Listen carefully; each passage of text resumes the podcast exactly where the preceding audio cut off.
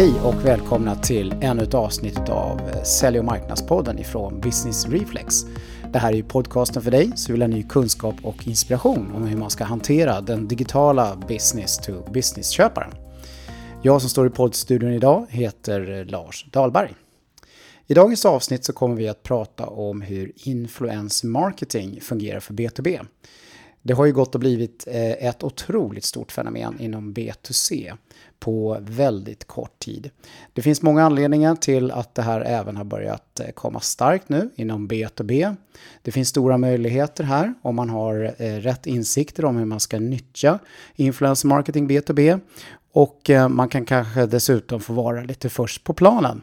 För att komma till botten med det här ämnet så har vi tagit in en expert på influencer marketing hon heter Sanna Persson, så över till intervjun med Sanna Persson.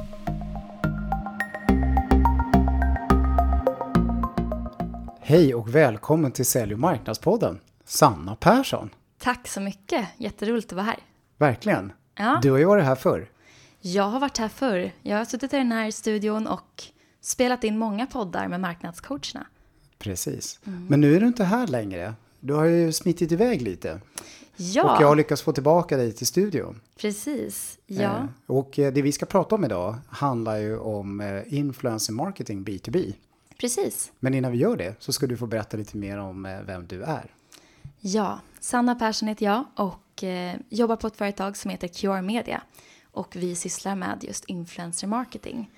Globalt, ett oberoende nätverk med influencers och vi hjälper helt enkelt företag att jobba effektivt med influencer marketing och nå fram till sin målgrupp. Det är ju så vi funderar på att göra ett avsnitt om det här med influencers B2B ett bra tag. Mm. Och så eh, gick du och började jobba där borta och lärde dig en massa spännande saker runt Precis. det här ämnet. Så att nu, nu kände vi att nu tar vi in dig här som den lilla experten på detta ja. ämne. Ja, men det är roligt att få gästa och vara med igen. Ja, och jag tror det är många som funderar på det här. Det här med influencers är, är ju någonting som eh, allt alla blir mer och mer medvetna om faktiskt. Men då är det ju den här frågan om influencers B2B.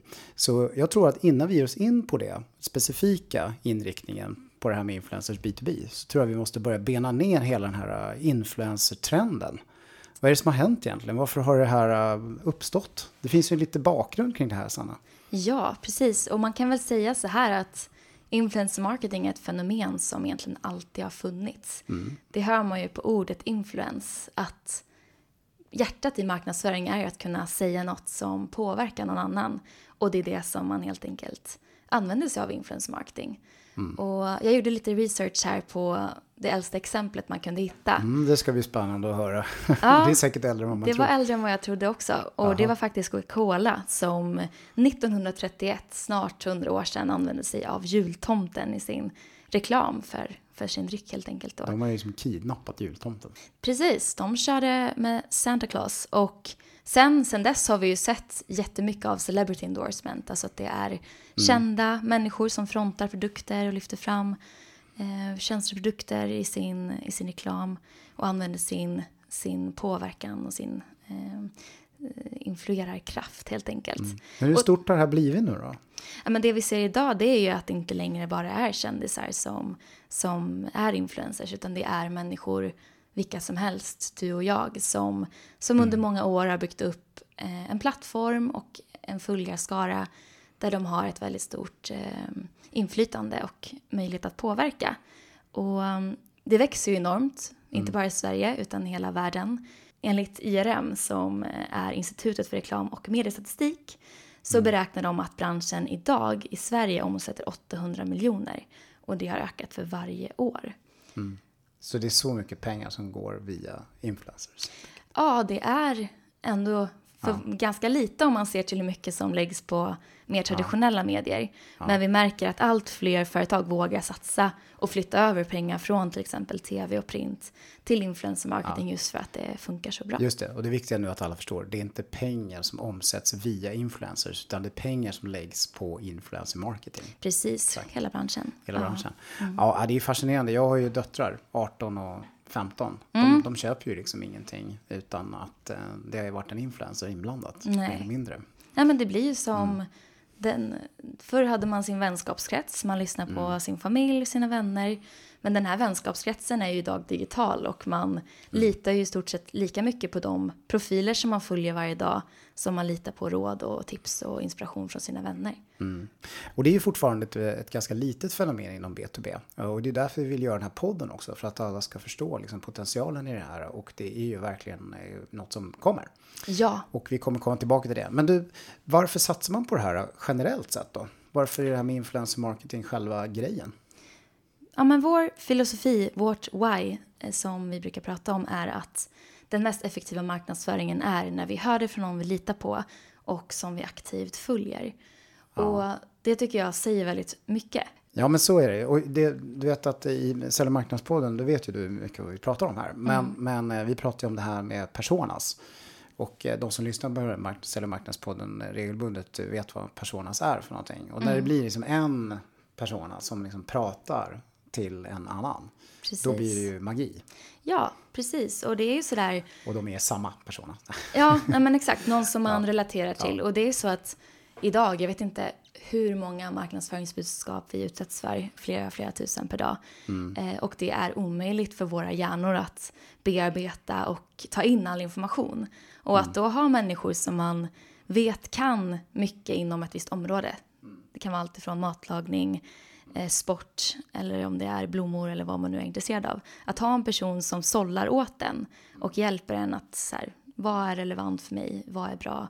Eh, det är enormt kraftfullt och att då som företag få synas hos en sån person som, som är relevant för målgruppen, det är det blir liksom som en liten så här, eh, det blir som en så här vänkrets, en så här liten community man liksom hänger i. Mm. Eller hur? Kring den verkligen. här influensen. Ja, och det är det, de, de som är riktigt duktiga, de lyckas ju verkligen skapa mm. högt engagemang hos sina följare. Det är inte bara en monolog, utan det är en dialog mellan mm. influencers och, eh, och följarna helt enkelt. Där man lär och inspirerar och påverkar varandra också.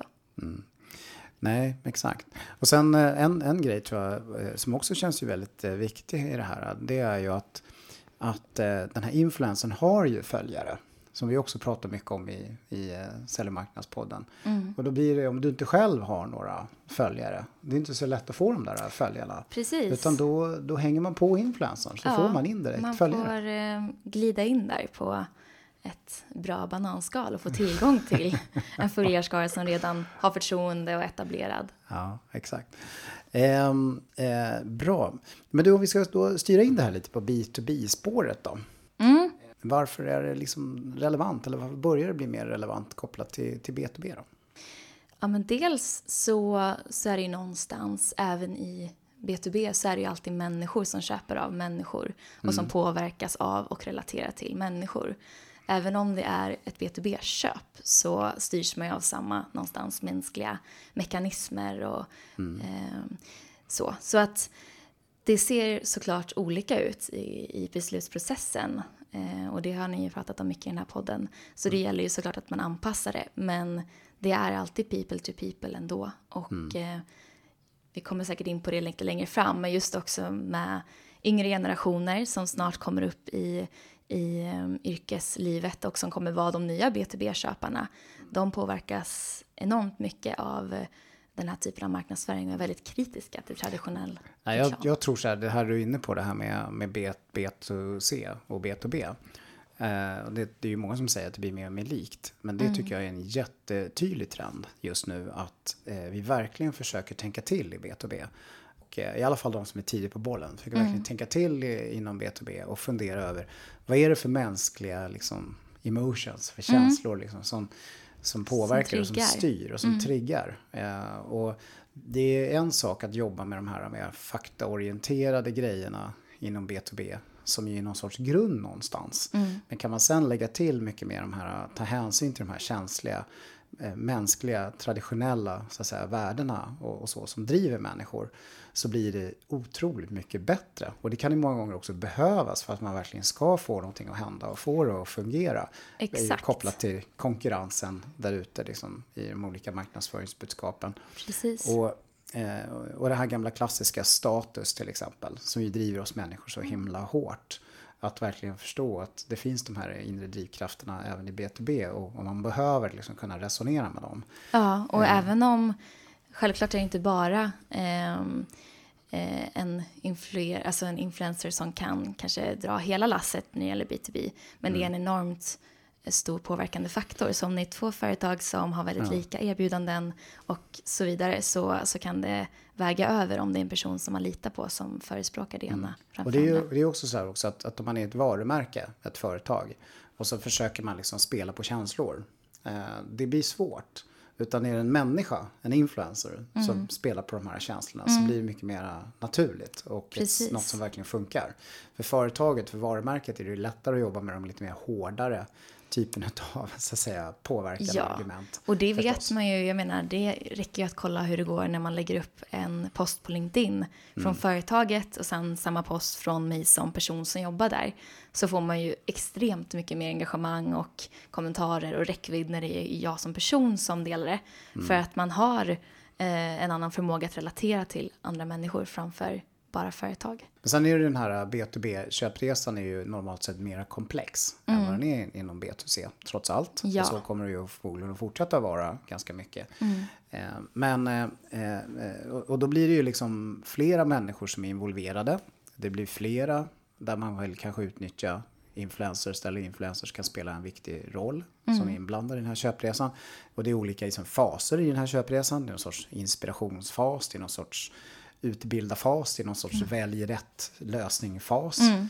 Och, då, och då vill man kanske ha influencers för olika syften kopplat till den här, eh, de här faserna. Och framförallt skulle jag säga i den här inspirationsfasen. Ja. Man ska få människor att vilja tänka lite nytt. Och där kan man ju välja, i och med att influencers är människor och vi människor är bra på olika saker, så gäller det att man anpassar vilka typer av profiler man jobbar med i respektive steg. Som Exakt. du säger, i början kanske det är viktigt med en karismatisk människa som kan få med sig och väcka nya idéer. Medan mm. det i slutet är viktigare att det finns en person som kan allt om mm. det här ämnet. Och mm, som är väldigt trovärdig. Precis. Och som man kan liksom lita på när man ska ta den där magkänslan och säga ja. Sign the dotted line som är så läskigt jämt Exakt. i B2B. Inte Sista jämt men ofta i B2B. Men du, du var inne på det här med, med de här yngre generationerna. Eh, millennials pratades det ju mycket om. Den är ju så himla stor den där generationen nu. Mm. Eh, eh och eh, eh, där finns det ju jättemycket undersökningar som ju så tydligt visar på att de köper ju mera med, med magkänslan. Och mer utifrån att eh, värderingar och, och why och sånt mm. där hos de leverantörer man väljer harmonierar med ens eget. Verkligen. Eh, och det är ju en ganska stor signifikant skillnad eh, jämfört med den här lite äldre generationen före mm. millennialsna som jag själv tillhör. Där det var mycket mera faktaorienterade beslut. Mm. Mera liksom sådana logiska sådana beslut. Men, men, eh, eh, men, men, sen har vi den här eh, vad heter det, Gen Z. Exakt. Där till, till och med inte jag ens tillhör längre. De är ju skitläskiga, eller hur? Ja. De köper ju bara Känner man sig gammal. Eh, det, Gen Z här, det är ju de som då är födda, vad säger vi då, slutet på 90-talet. Mm, fram till framåt. kanske 2010 ungefär. ja, och de har ju vuxit upp i den här åldern där det är digitalt mm. och det är influencer marketing eh, och det är sociala kanaler och det är mm. den digitala word of mouth som, som råder. Mm. De kommer ju bara fortsätta att lita på influencers när de blir B2B-köpare för det har de ju oftast inte blivit än. Nej, precis. Men om några år, jag tror så här att jag tror att de är extremt vana vid att få mm. kommunikation när de vill ha det, alltså att få det på sina villkor. Så mm. de är väldigt kritiska och skeptiska till den här reklamen som avbryter i en film eller som eh, är i en tidning de läser, utan de vill kunna ta emot det när de vill. Så mm. där är det också ett, en fördel att jobba med personer som de själva valt att följa. Men du, ehm, det finns ju en marknadsmix här. Då. Eh, hur ser du att det passar in där då? Vi har ju så mycket grejer och kanaler och så. Ja, jag tror så här att det viktigaste är att man tänker till från början. Att hur ser vår marknadsplan ut för året mm. i stora drag? Och vart ska influencer marketing passa, passa in? Så att det inte mm. bara är någonting man tycker är lite häftigt och vill testa för att det är många som pratar om det just nu. Utan att man verkligen förstår vilka KPI ska jag leverera på, vart passar det in, vilka kanaler kan det mm. komplettera mm. och mm. förstärka. Mm. Eh, och man skulle kunna säga, det funkar ihop med det mesta. Jag menar, SEO är en kanal som man kan ofta se väldigt eh, stor ökning i när man jobbar med influencer marketing. Mm. Just för att man ser det någonstans hos en profil man följer. Men sen väljer man att inte agera just då utan söker på det här ja, några dagar senare till exempel. Du skapar sök. Ja men precis. Ja. Det är en trigger som gör att man liksom, ja. en tanke väcks. Och det är samma med Google Ads. Det är samma sak För där. kommer man, man inte upp på det där söket då när någon söker så behöver man ju förstärka med ads så att man dyker mm. upp där. Exakt, och så. att man kan ta mm. emot eh, mm. det intresse som väcks. Så. Och samma med sociala media eh, också. Att ju fler ställen man ser ett budskap på, eh, desto mer liksom, top of mind hamnar ju till slut om det är mm. relevant. Mm. Eh, så att helt enkelt... Det, det kan både förstärka de kanaler man redan jobbar med, men även bli liksom mer som en ny kanal. Ja, eh, men, men det viktigaste är nog, skulle jag säga, att inte se det som en enskild Egen silo. kanal. Precis, utan, utan ihop det, med det andra. Exakt, så att det liksom okay. blir synergieffekter på, på flera håll. Men du, eh, de här, en sak faktiskt samma som jag tror vi glömde prata om här när det gäller det här med influencers. Det är ju så att att eh, inom B2C då finns det ju så galet många som du var inne på. Mm. Och det läggs mycket pengar på dem. Och det ena är ju liksom, jag, när jag tittar på B2B så tycker ja. jag så här, det börjar dyka upp ganska mycket människor som är liksom influencers här inom olika B2B-branscher, olika yrkeskategorier och så vidare och så vidare. Ja.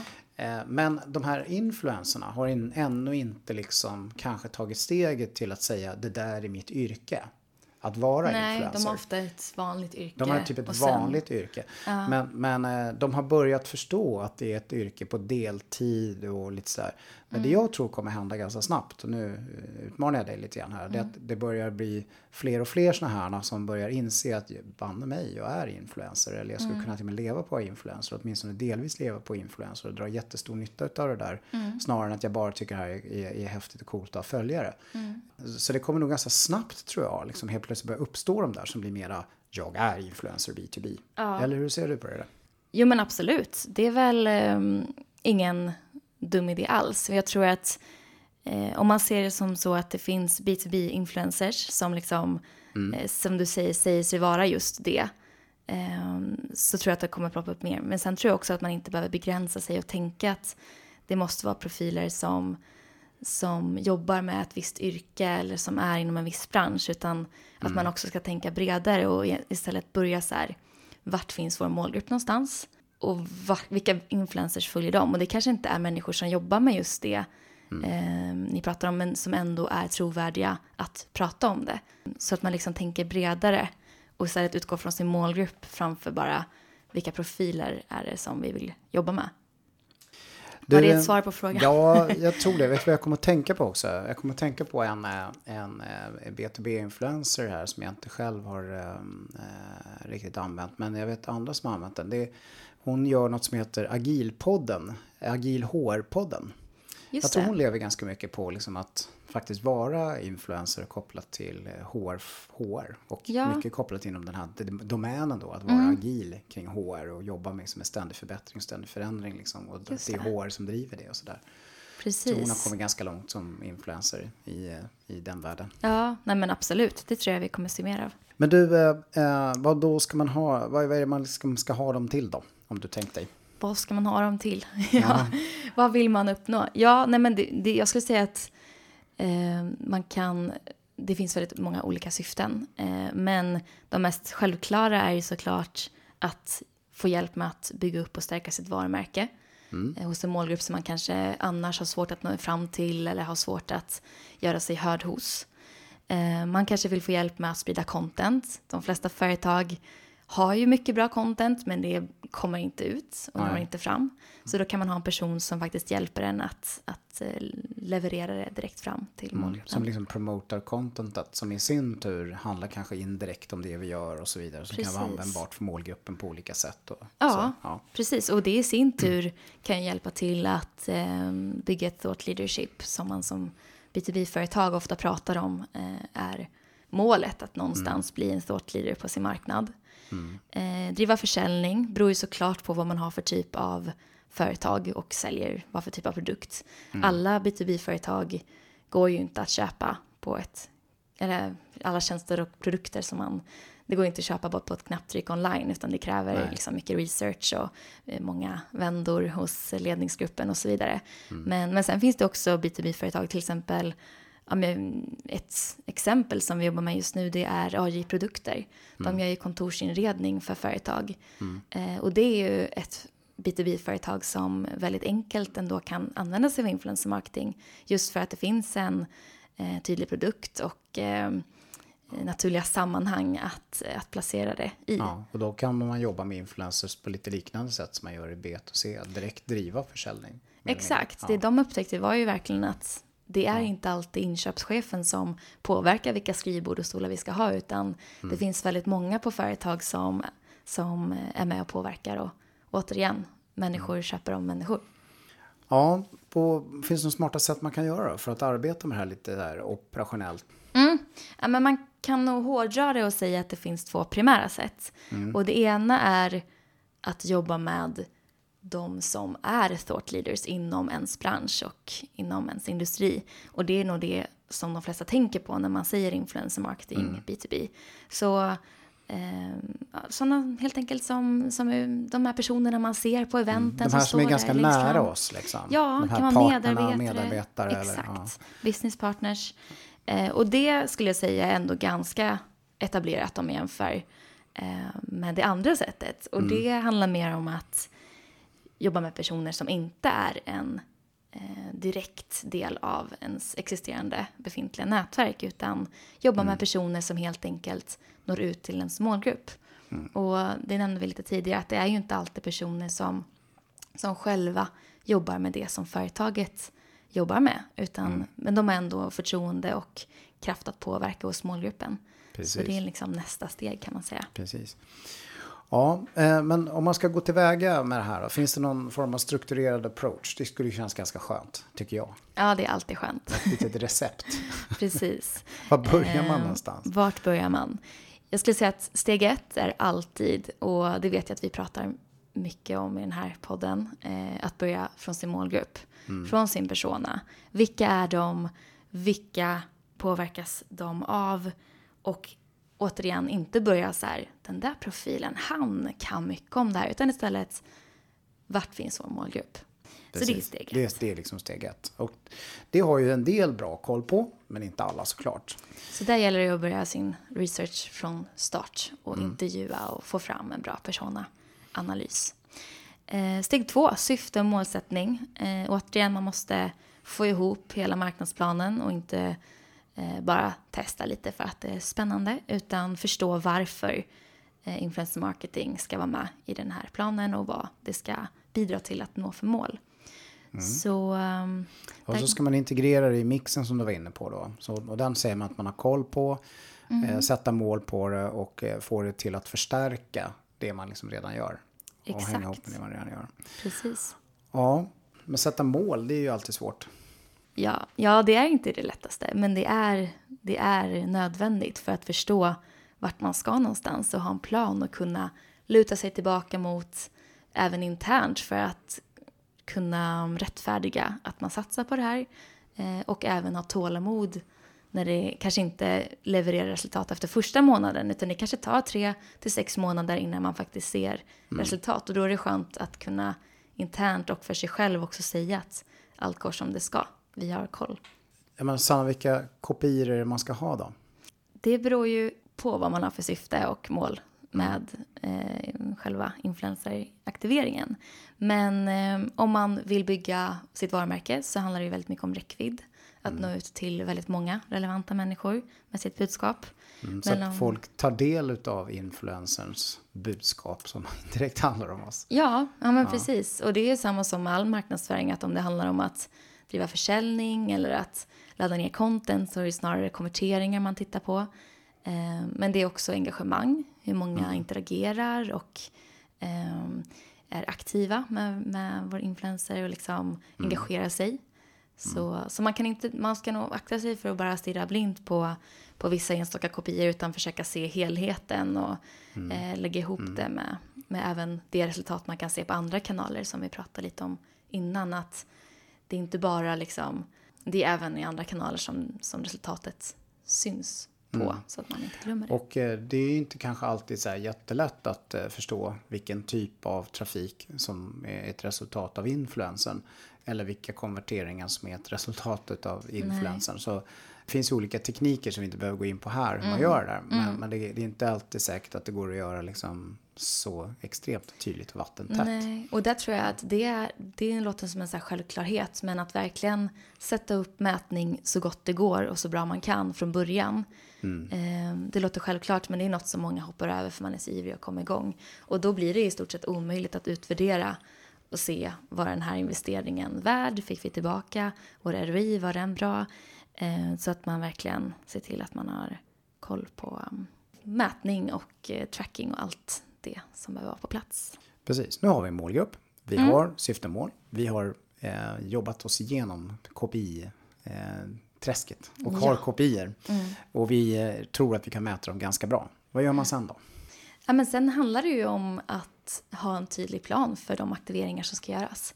Och med aktiveringar så menar jag helt enkelt de olika nedslagen och de eh, insatserna som de influenserna man jobbar med ska göra helt enkelt hos mm. målgruppen. Man kommer överens med dem om saker som ska göras helt mm. enkelt. Mm. Ja men precis och där gäller det att vara så specifik som möjligt och inte bara tänka att ah, det blir bra.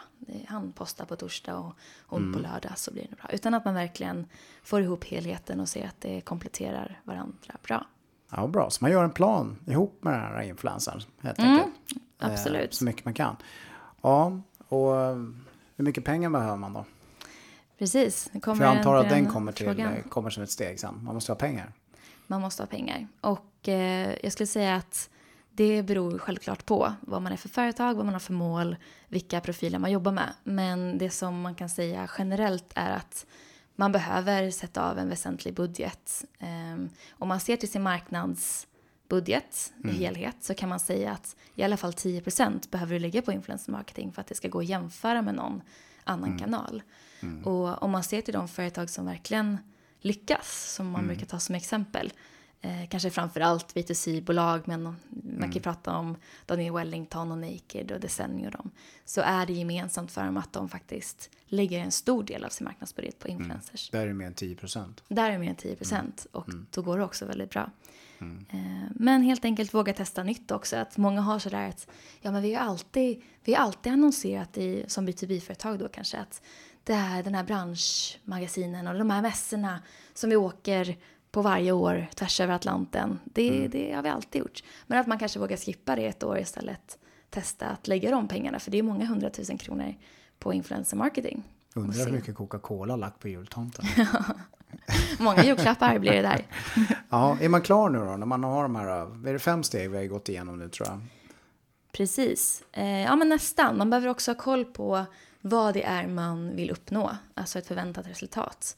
Det är ju också för att man återigen ska kunna eh, sälja in det internt och få igenom eh, sitt beslut.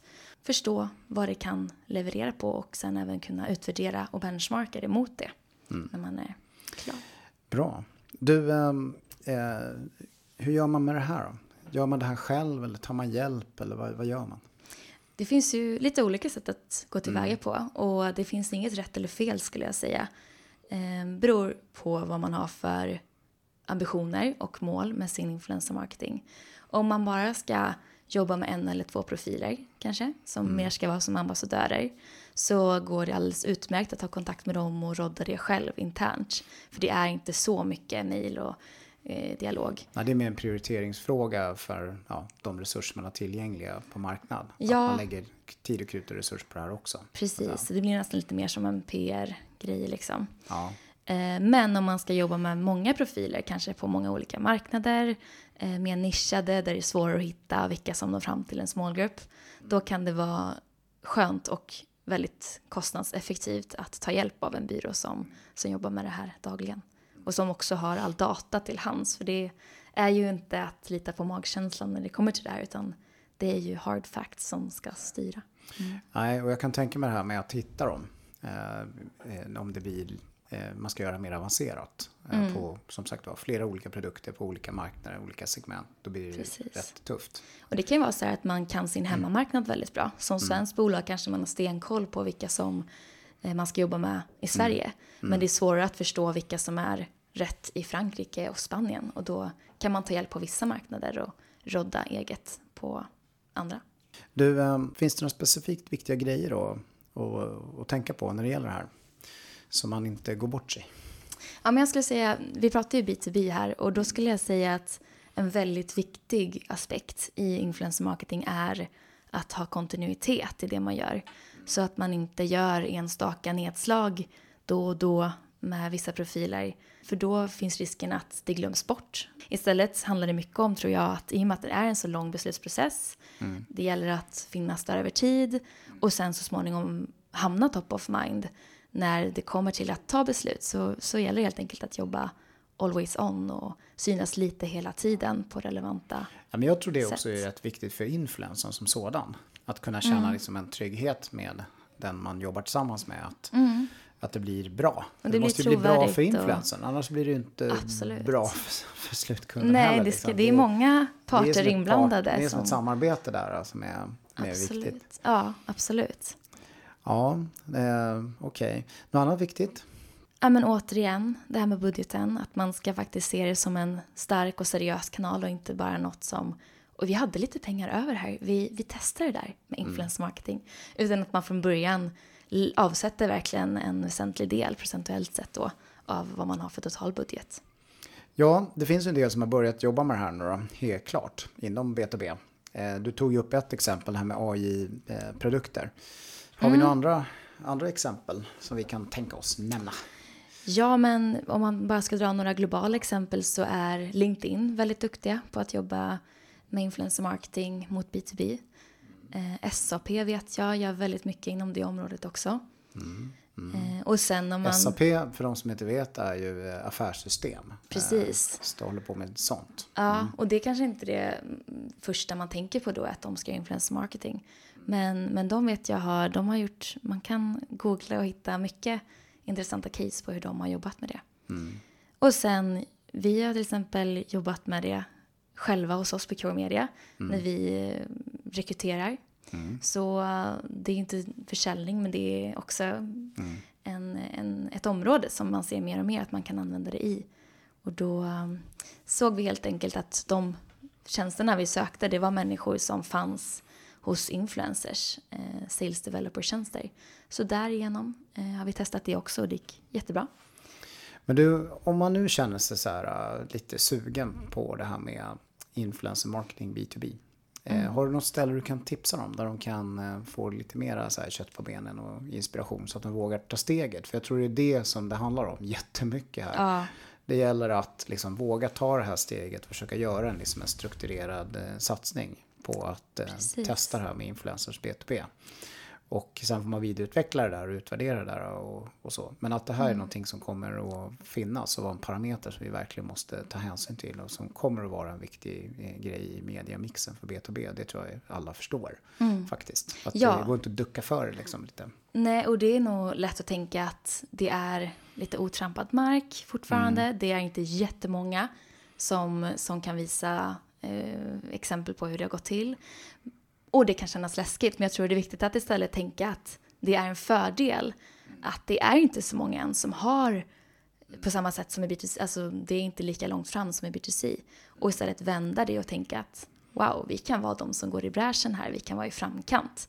Och, och se det som en möjlighet mm. snarare mm. Jo, för det finns ju exempel på det i B2C-världen. Det var några som var snabba på bollen mm. här och lyckades få, både bygga upp några jättetunga influencers och använda influencer marketing som ja. blev en jätteviktig konkurrensfördel för dem. Verkligen. Så, Så att, eh, mm. de som inte tänker tanken att inkludera influencer marketing i sin kommande marknadsplan för året, de behöver tänka om. De borde om. göra det. Ja. Eh, och, eh, och om man vill lära sig lite mer om det då, har du någonstans du kan peka dem? Finns det något bra något bra ställe där man kan läsa lite mer eller lyssna ja. lite mer förutom på den här podden? Nej, men jag rekommenderar att eh, gå in på vår hemsida där vi har flera guider mm som handlar om influencer marketing eh, och en hel del case inom olika områden som kan vara intressant att ta del av just för att se hur andra har gått tillväga. Så kan det inspirera en lite grann hur jag skulle kunna göra något liknande. Precis. Mm. Så ja, vi kanske kan Då länka det man in, någonstans. Ja, vi kan länka det. Men vad blir det för webbadress då? Om du skulle säga den. Det är www.curemedia.se. Ja. Okej, okay, bra. Ja, och dig får man ju ta på, på LinkedIn förstås om man vill eh, hänga med yes. dig där. Ja. ja det finns ju några Sanna Persson ändå. Ja, det gör ju det. Jag man, får ta Sanna, man får ta Sanna Persson på Cure Media, då går det bättre. Precis, och vi är ganska duktiga på att dela eh, våra tankar och, och, insikter där, alla vi. Så följ och häng med där så ska det bli kul. Vad bra. Då får vi tacka dig så jättemycket, Sanna, för att du kom till Sälj och marknadspodden. Tack så jättemycket för att jag fick komma hit. Ja. Och för alla er där ute som har lyssnat, som vanligt så ska ni tänka på att vara relevanta. relevanta. Tack och hej.